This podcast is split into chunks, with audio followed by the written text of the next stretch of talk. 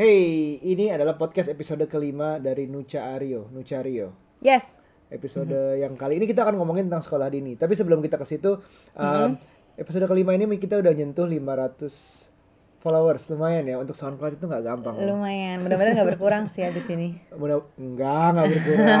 ya. Dan sekarang um, ini kita masih ngelakuinnya tanpa editan, jadi langsung aja direkam flow-nya terus aja sampai akhirnya kita selesai tanpa ada edit, tanpa ada entry, en- apa audio apa namanya itu Uh, opening, opening Oh. sama closing. Jadi it would be awesome kalau ada yang mau ngasih musik ke kita. ya. Cila. Siapa tahu ada yang mau ngasih musik dan kalau misalnya itu bagus dan akhirnya kita pakai, um, let's talk. Jadi kirim aja ke kita email kalau mau bikin musik yang ada hubungan dengan parenting dengan kita yang oke ya. You know my you know my vlogs lah kira-kira seperti apa gitu. Panjang banget openingnya. Ya kan mau cerita dulu update podcastnya seperti apa gitu. Alright, sekarang uh, tadi gue sempat nge-tweet dua sekitar 2-3 jam lalu ada yang mau nanya enggak tentang podcast eh tentang sekolah dini pod karena kita mau bikin podcastnya. Dan Jadi- sebenarnya itu kenapa kita angkat angkat tentang sekolah dini di hari ini? Karena nih eh, sebenarnya isu tentang sekolah dini pro kontranya itu udah terjadi udah beberapa saat lalu lah, udah agak lama gitu Hmm, kan. jadi ada seorang pakar. Hmm, belum, Belum, belum, sebelum belum. situ? Sebelum itu udah banyak. Oke, sebelum itu udah banyak ibu-ibu muda yang pro kontra dengan sekolah dini gitu kan. Ngapain sekolah dini? Buat apa sih kecepetan, Hmm. buang-buang uang doang dan lain-lain itu baik banget. Apalagi ibu-ibu milenial yang sekarang sih. Terutama Oh, gitu bukan ya? ibu-ibu lah, parents lah. Milenial parents yang sekarang. Tapi gitu. bukannya parents bahkan zaman dulu pun sekolahinnya dari umur 3 rata-rata terus masuk SD umur 6. Enggak, itu, dini apa cuman enggak? itu dini, cuman bukan yang tipikal seperti itu. Tapi kalau sekarang karena Hmm. mungkin ya ekonominya udah agak berubah, terus sekolahnya lebih banyak, jadinya Hmm. tuh lebih hits lagi milenial mil- milenial milenial parents yang sekarang. Terus ditambah lagi Hmm. dengan terakhir ini kan bukan terakhir lah, beberapa minggu lalu itu ada Itu tayangan ya? Heeh, tayangan di sebuah stasiun TV yang eh, menghadirkan pakar eh, bukan pakar ya psikologi anak itu ibu ibu Eli Risman Iya.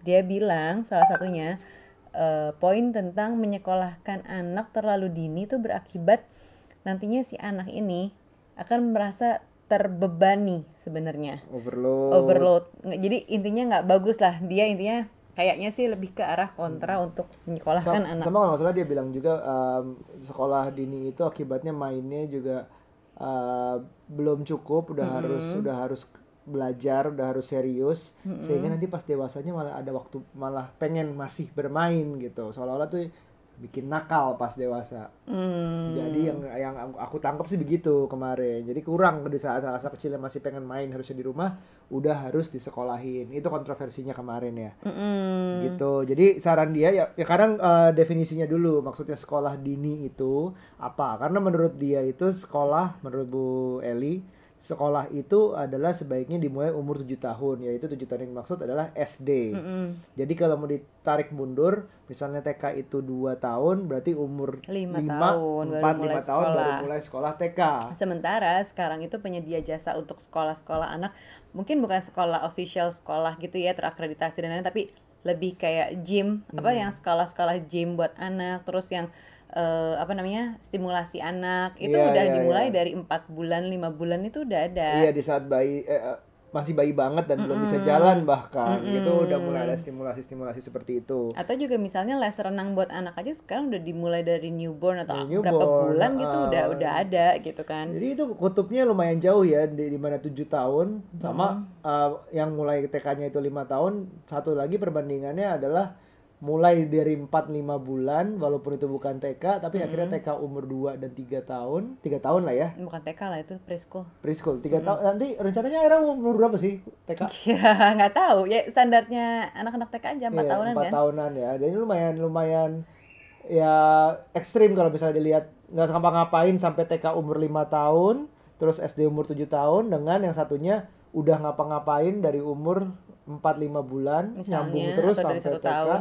atau dari satu tahun nyambung terus sampai TK akhirnya masuk SD 6 tahun. Walaupun SD-nya cuma beda setahun tapi kan ada dua yang beda banget. Hmm. Tapi sebenarnya jadi PR definisi sekolahnya ini loh yang dimaksud Ibu Eli itu baru boleh mulai sekolah itu pada usia tujuh tahun itu sekolah gimana maksudnya sekolah dengan kemandirian duduk sendiri di dalam kelas belajar dan punya buku sendiri atau yang apa termasuk baby gym ini yang anak-anak lagi rame disebut sekarang? Sekolah itu disebut sekolah enggak? gitu kan? Ah, ah, ah. kan atau pusat stimulasi sekarang dibilang sekolah juga. Karena memang semua kita bilangnya itu sekolah. Karena Iya. bingung dong mau ngomong apa gitu Karena kan. definisi sekolah tuh juga bisa kayak apakah proses belajar mengajarnya? Karena itu pun dimulai di rumah oleh orang tua atau ada lembaganya which is kita datengin Aira eh anak kita ke tem- suatu tempat atau di saat dia benar-benar sendiri tanpa orang tuanya karena tahapnya ada ada itu yang belajar di rumah yang belajar sama orang tuanya di suatu tempat lain yaitu sekolah dan yang terakhir belajar di sekolah sendiri Iya,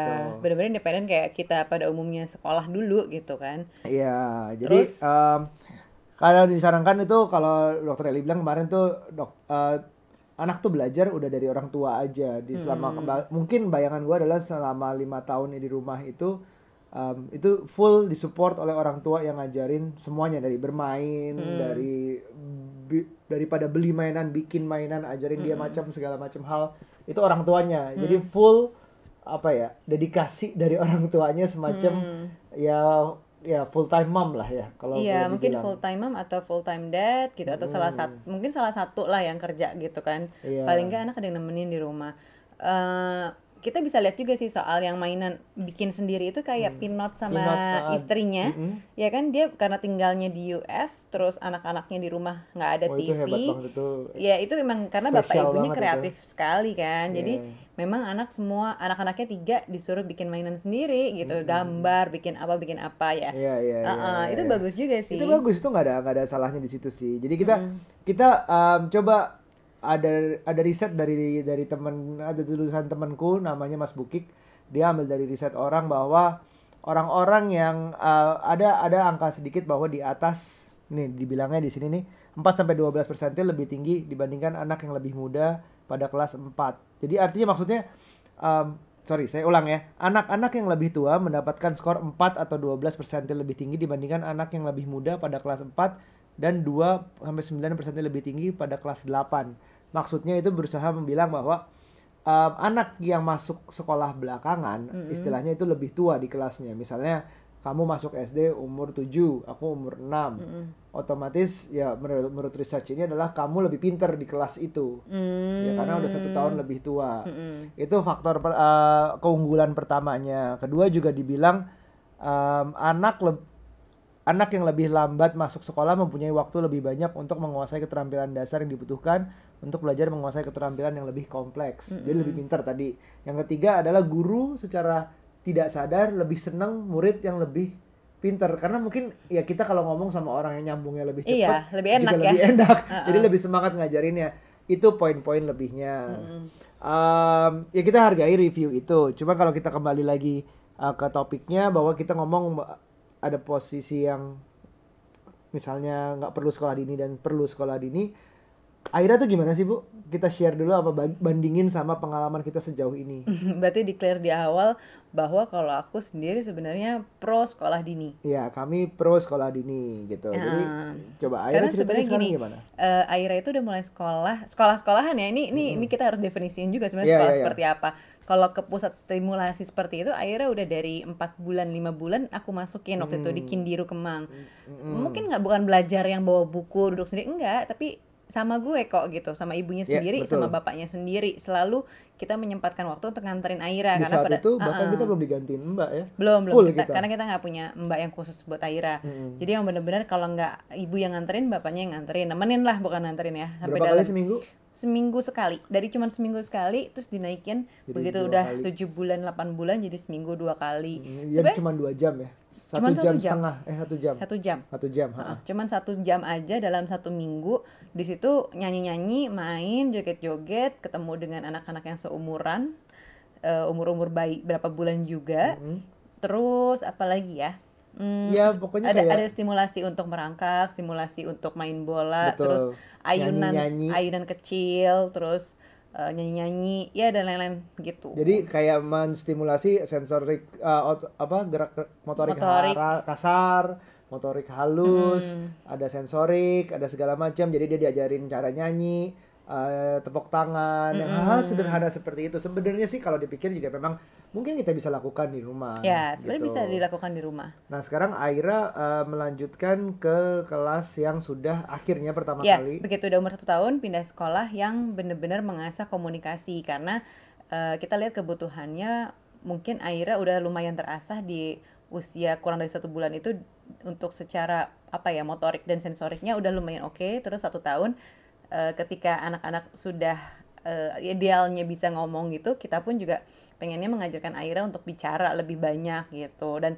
mungkin how-nya seperti apa salah satunya adalah dimasukin ke eh, pusat stimulasi atau sekolahan inilah gitu yang adanya di FX Mm-mm. gitu. Itu pun juga masih ditemenin sama orang tuanya. Jadi kalau nggak ibu ya bapaknya yang nemenin. Tapi kalau misalnya kita sama sekali nggak bisa benar-benar nggak bisa ya mbak waktu itu udah ada mulai mbak. Dua kali Tapi seminggu, jarang, Mbak. satu jam per pertemuan. Yap, itu udah lum- udah lumayan seminggu dua kali satu jam satu jam. Mm-mm. dan em, sebenarnya sih sel- kita selalu menyempatkan untuk temenin Aira sekolah karena Betul. apa?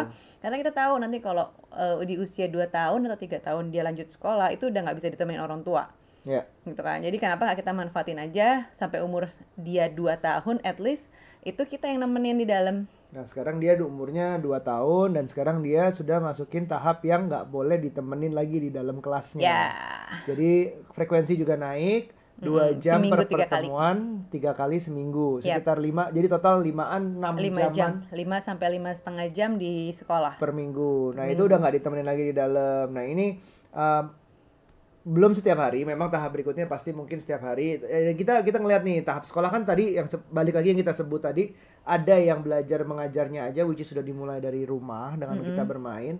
Ada yang di tempat lain di mana kita nemenin dan sekarang akhirnya memasuki tahap yang di tempat lain dan tidak ditemani yap gitu. Nah keuntungannya sebenarnya dari sekolah dini Yes. ini kita yang pro kita merasa nih dari kita, Kita sendiri ya pro. bukan hasil riset orang kita sangat ngerasa keuntungan sekolah dini adalah pertama banget social skill sama sebayanya. Mm-mm, karena seumuran ketika dia bayi bertemanan juga sama bayi gitu ya ngeliatnya bayi-bayi dan ketika dia satu tahun dia seumuran dengan yang umur segituan dan sekarang yang dua tahun juga range-nya kan dua tahun sampai tiga tahun aja Hmm, gitu. Karena di rumah kita juga cuman ada orang tuanya dan mbaknya artinya orang tua semua udah Iya. dewasa semua jadi nggak ada yang seumuran dia. Di- tanpa disadarin itu ngebentuk uh, sebenarnya anak ini menurut menurut kita ya ketika anak ini menjadi satu-satu yang paling kecil di di rumah udah pasti ketika dia melakukan sesuatu itu lebih cenderung menang kita akan Iya, selalu ngasih dong kita gitu ngalah, kan. kita ngalah bolehin. pasti kita bolehin ya walaupun dengan aturan-aturan tertentu, tertentu misalnya tapi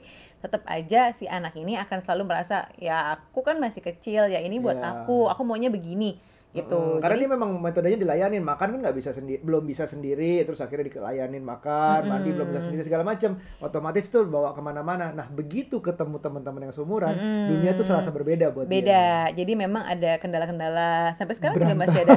Entah berantem entah Aira marah mainan diambil. Pokoknya seputar mainan. Hanya misalnya sesimpel mainan aja. Atau sekarang eh, udah udah mulai kan dari umur satu tahun diajarin untuk antri Mm-mm. gitu nah itu Itu pro- itu tuh. proses untuk ngantri ng- untuk misalnya ngantri cuci tangan ngantri Mm. ngantri apa namanya eh, salaman sama guru yang kayak gitu-gitu masuk kelas Jadi, keluar kelas sabar Ah, gitu mungkin kalau yang di rumah ya dia nggak ngantri mau ngantri sama siapa dia nggak punya teman seumuran atau Betul. misalnya nggak punya kakak atau adik yang bisa diajak main gitu dan kan berebut mainan sama siapa kita nggak ada yang Iya. main-mainannya dia Eh, gitu eh, jadi ada pelajaran-pelajaran kecil lah yang diambil dari si eh, sekolah ini dari rutinitas ini. itu satu yang kedua kita juga mendapat stimulasi yang tadi gue bilang skill motorik kasar halus sensorik jadi dari kecil itu uh, dari zamannya merangkak tuh udah diajarin merangkak yang bener gimana banyakin ke sana ke sini terus ada yang bola-bola ada yang apa Iya. pegang yang Sebenarnya kecil-kecil sih hal-hal yang sensorik motorik ini diajarin di rumah juga Bisa, sih. uh. Cuman mungkin karena misalnya basic kita bukan pengajar, bukan pendidik dan kita bukan yang selalu eager untuk mencari tahu banget gitu ya milestone anak. Ya kita tahu tapi kayak basicnya aja standarnya 7 bulan ngapain sih, 8 bulan Iya, ngapain iya, gitu iya, kan. iya.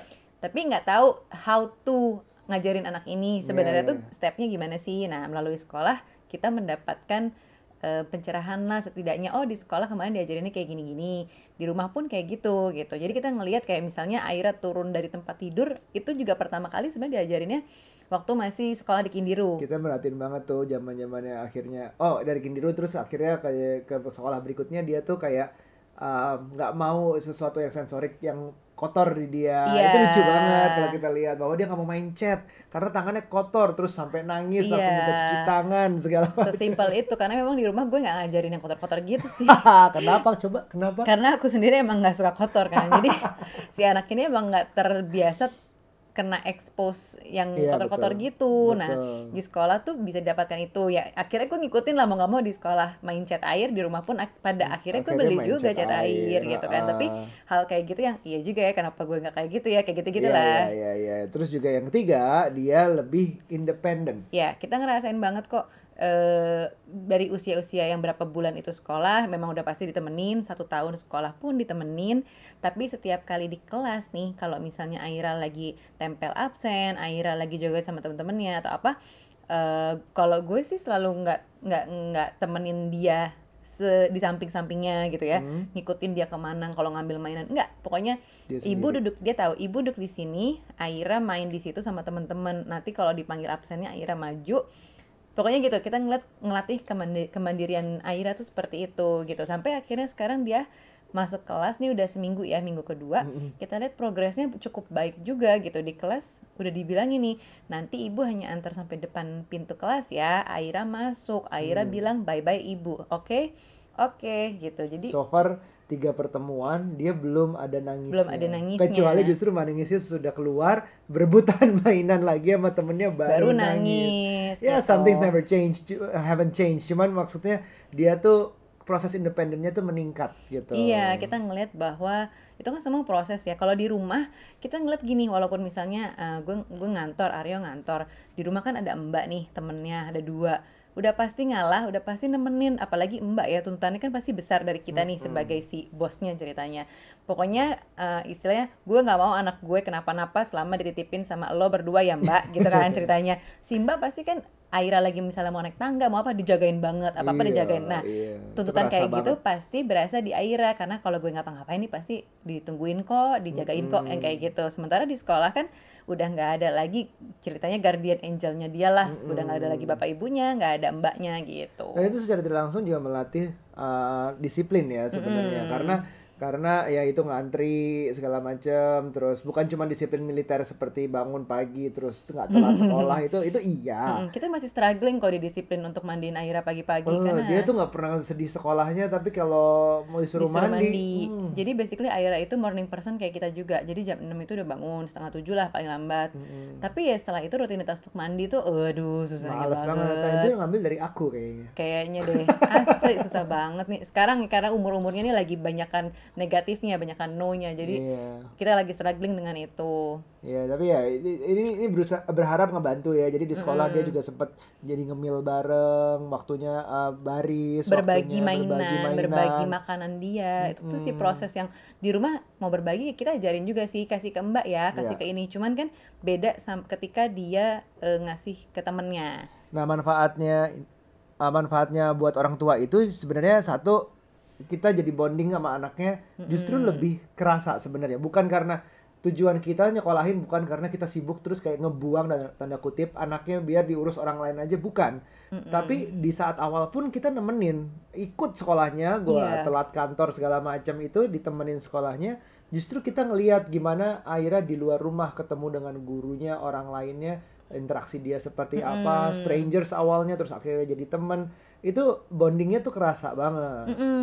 Sebenarnya eh, kan lagian juga anak yang ditemenin di kelas sama orang tua nggak bakal lama ya sampai dua tahun lah paling Iya. juga ada juga sih yang sampai tiga tahun kalau nggak salah jadi nggak akan selamanya kok si anak itu juga sama kita di Iya, kelas iya. gitu memang ada waktunya dia untuk mandiri kan jadi kenapa nggak man- kita manfaatin lah waktu yang cuma dua tahun tiga tahun itu untuk nemenin di Setuju. kelas Nah, yang gitu terakhir untuk keuntungan sekolah dini menurut kami um, adalah me time untuk orang tua. Eh, Nah, ini sih Nah. sebenarnya baru berasanya eh, sekarang lah karena mungkin akhirnya udah ditinggal di kelas eh, di kelas sendiri kan. Mm-mm. Terus aku punya waktu buat ngopi, setidaknya nungguin dua jam dia di kelas lumayan gitu. Ya intinya intinya uh, again tujuannya bukan untuk ngebuang untuk oh, biar gue bisa me time tapi atas dasar proses yang ada dari awal ditemenin terus akhirnya bisa sendiri itu kayak well deserved me time jadinya. Bahwa oh anak gue senang banget. Gue gue gue dalam keadaan memang sudah waktunya anak gue sendiri independen sehingga gue punya waktu sekarang Iya, gitu. tapi sebenarnya itu juga me time buat aku juga sih waktu Aira aku masukin Kindiru itu di umur 4-5 bulan.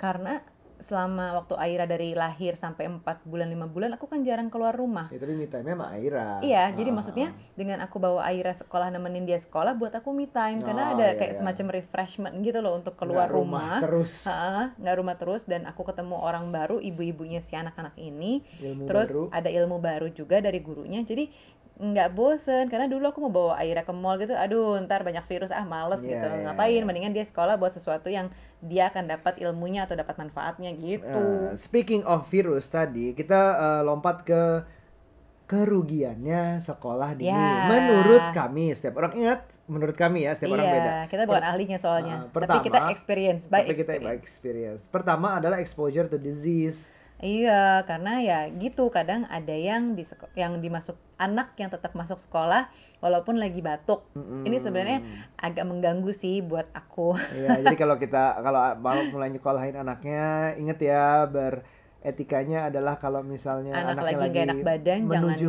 sakit aja. Menuju sakit aja misalnya udah udah mulai demam gitu atau apalagi udah batuk dan pilek ya tolonglah mbok ya nggak usah masuk usah masuk sekolah dulu lah, nggak apa-apa kok gitu. gitu. Kasihan yang lainnya. Nah itu otomatis exposure to disease-nya sedikit lebih sedikit atau besar lebih tinggi daripada kalau di rumah aja. Karena kadang ya gitu nyambung begitu ada anak yang sakit tetap masuk sekolah, ketika yang sehat-sehat aja ini ketularan nyambung nah sakit kan habis itu di rumah nanti begitu masuk mungkin si anak ini juga belum sembuh-sembuh banget ketemu lagi yang temen lagi terus kena lagi muter aja terus gitu. Yang kedua kerugiannya adalah kita harus lebih banyak mengum- eh, ada usahanya dan ada waktunya. Jadi maksudnya waktu yang terbuang untuk nemenin sekolahnya di awal. Kalau mau yang lakukan yang lakukan secara yang benar adalah kita juga berkontribusi waktu dan tenaga. Entah itu nanti nanti dari sisi nemenin di sekolahnya sampai nanti ujungnya adalah ngebantuin PR-nya, kerjasama sama anaknya gimana mecahin masalah di sekolah. Segala macam tuh ada time and effort yang didedikasiin oleh orang Iya, tuanya. belum lagi nganterin sekolahnya itu loh. Kalau misal eh, Iya. ya kita selalu usahain sebenarnya yang jaraknya deket rumah lah, nggak terlalu yang jauh dan harus effort banget gitu macetnya. So far ya paling jarak tempuh waktu itu ke Kindiru cuman kayak 5 menit 10 menit udah nyampe, nggak macet pula. Terus ke FX itu agak lumayan udah setengah jam. Terus sekarang juga sekitar setengah jam lah ke sekolah yang baru. Jadi ya itu adalah effortnya karena harus ngelewatin macet Ya, kan setiap ya, ya, pagi ya. gitu. Dan itu rutin loh, nggak cuma sekali. Mm-mm. Uh, terus yang kita juga nggak bisa uh, kenapa sekolah dari awal banget ini nggak bisa kita anjurkan untuk semua orang juga kar- biayanya juga ngaruh. Iya, ketika misalnya kita di awal pernikahan itu misalnya ngerancang untuk dana pendidikan, tapi dana pendidikan terhitung dari apa? Dari TK aja. Hmm, nggak Dari lima kan? tahun atau empat tahun gitu kan. Terhitungnya dari empat tahun, terus SD, terus SMP, SMA, kuliah Hmm. gitu kan. Misalnya kita nyimpen dana untuk itu. Tapi sekarang nih dengan zamannya sekolah cepet ini, jadi lumayan untuk Lumayan, budgetin iya, dari iya. umur satu tahun, dua tahun, tiga tahun. Ya itu kita mengerti kalau misalnya keterbatasan biaya ya memang ya memang Emang harus iya. disesuaikan setiap setiap orang tua punya tahu sendirilah keadaannya bagaimana untuk anaknya keperluannya seperti apa bisa disesuaikan gitu. Dan uh, yang ini yang terakhir mungkin lebih arah uh, aku mau cerita bahwa salah satu temanku punya ponakan yang dari SD tuh udah lesnya banyak banget. Terus begitu kerasa sampai kuliah dia pengen berhenti kuliah. Karena terus rutin dari SD sampai SMP, SMA sampai kuliah mau masuk kuliah itu kebanyakan les menurut dia. Oh. Terus akhirnya sekolahnya udah full, terus tambah les, akhirnya dia terjadi yang namanya mungkin overstimulate. Gitu. Itu juga bisa jadi kelebihan. Eh, Apa? Sorry, kekurangannya dari sekolah sekolah dini. Overstimulate adalah kelebihan stimulasi menjadi kekurangan. Itu bisa. Nah, yang mau kita sampaikan di sini adalah um, overstimulate itu bisa terjadi memang kalau misalnya um, orang tuanya itu sa- mungkin salah baca anaknya seperti apa. Iya, itu bisa juga sih. Itu bisa jadi. Karena emang kita yang pertama itu harus kenal anaknya seperti apa Ya. dan diri kita seperti apa sih sebagai orang tua. kita nggak bisa bilang yang terbaik buat anak kalian yang mendengarkan ini apa Iya. kita pun bisa salah sama anak kita Karena aku juga pernah dapat cerita, jadi anaknya itu udah mulai sekolah dari umur 6 bulanan, mungkin baby gym juga ya.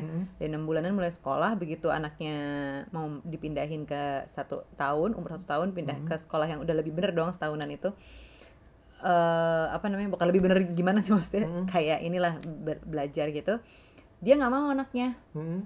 jadi katanya mau di rumah aja belajar gambar sama ayah yang kayak gitu-gitu Iya, jadi iya, iya. si anak ini dari walau jadi kayaknya kecepetan di umur 6 bulan tuh bikin dia agak trauma nah itu kan yang harus diperhatiin sama orang tua Iya, ya iya, sebenarnya si betul. anak ini tuh suka nggak sih disekolahin gitu Oh. nah tujuan pertama kalau menurut aku sih sebagai orang tua ngeliat juga diri kita kita tuh seneng nggak sih belajar apa kita tipe orang yang males atau yang Betul. rajin atau yang menurut kita ah sekolah tuh nggak perlu tergantung pokoknya itu mempengaruhi eh, anak karena gue dan Nucha um, sebenarnya walaupun kita sama-sama menjalani master degrees, Hmm. cuman sebenarnya dalam hal yang agak berbeda. Nu- Nucha nih kalau kalau ditawarin S3 masih ada Mm-mm. uang dan waktunya dia akan ngelakuin. Iya, soalnya gue seneng banget belajar, eager banget untuk tahu banyak hal gitu. Jadi menurut gue sekolah itu menyenangkan. Gue selalu berpikir sekolah itu menyenangkan. Kalau gue ya dibaliknya adalah S2 itu bener-bener kayak terpaksa. Gue nggak bisa, gue harus dapat ilmu ini demi kepentingan bisnis. Jadi Ah. lakuin apa aja yang ada di deket sini, yang sambil masih bisa jalanin kantornya.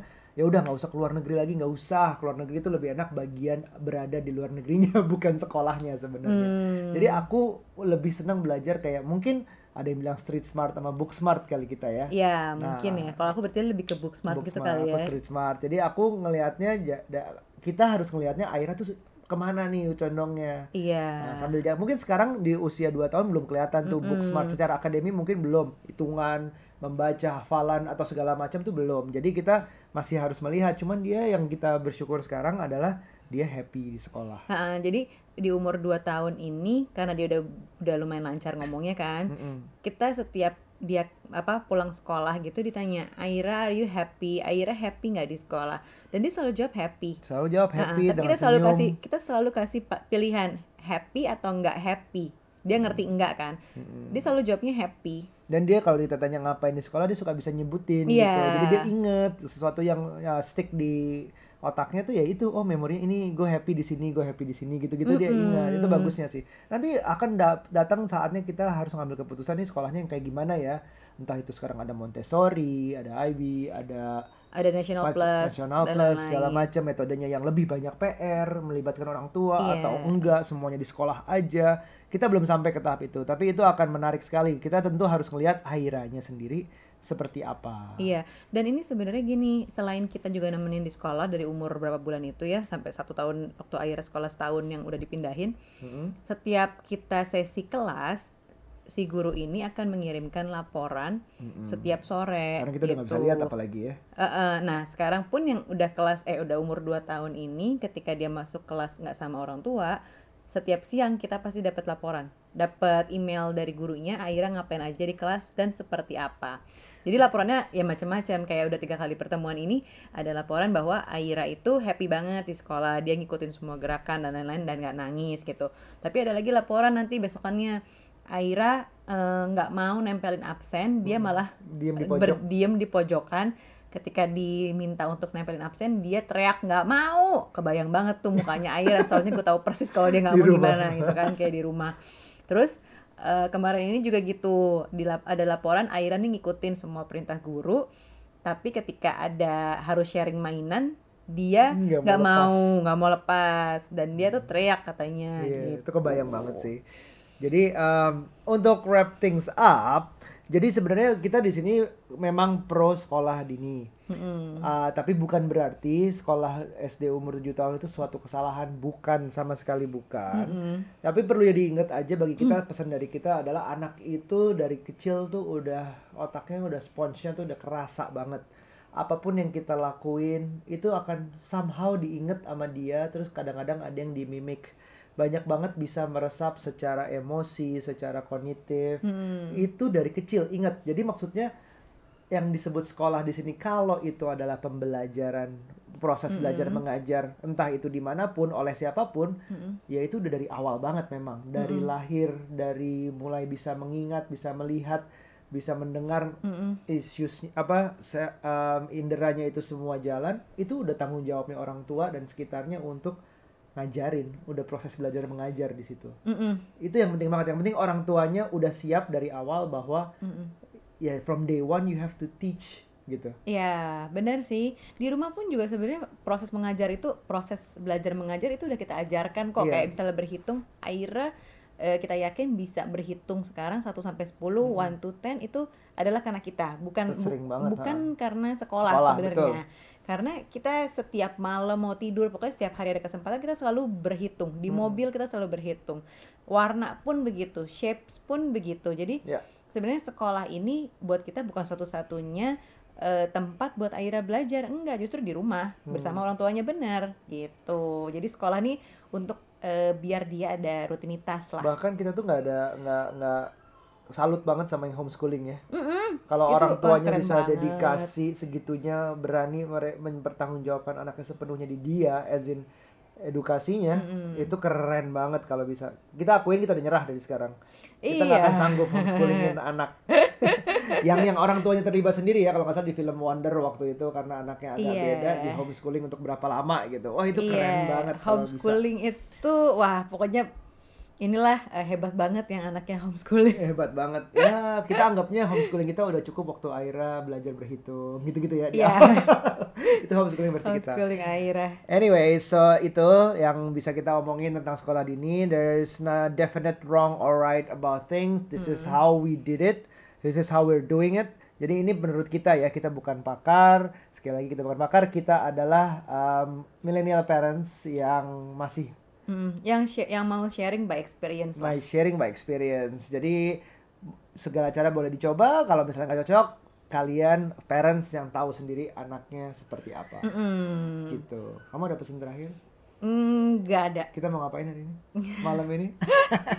Nggak tahu nih mau ngapain. Lanjutkan podcast kemarin nih. Kita mau date night. Alright. Okay. Siap sampai ketemu ya. Thank you. Thank you. Bye. Bye. bye.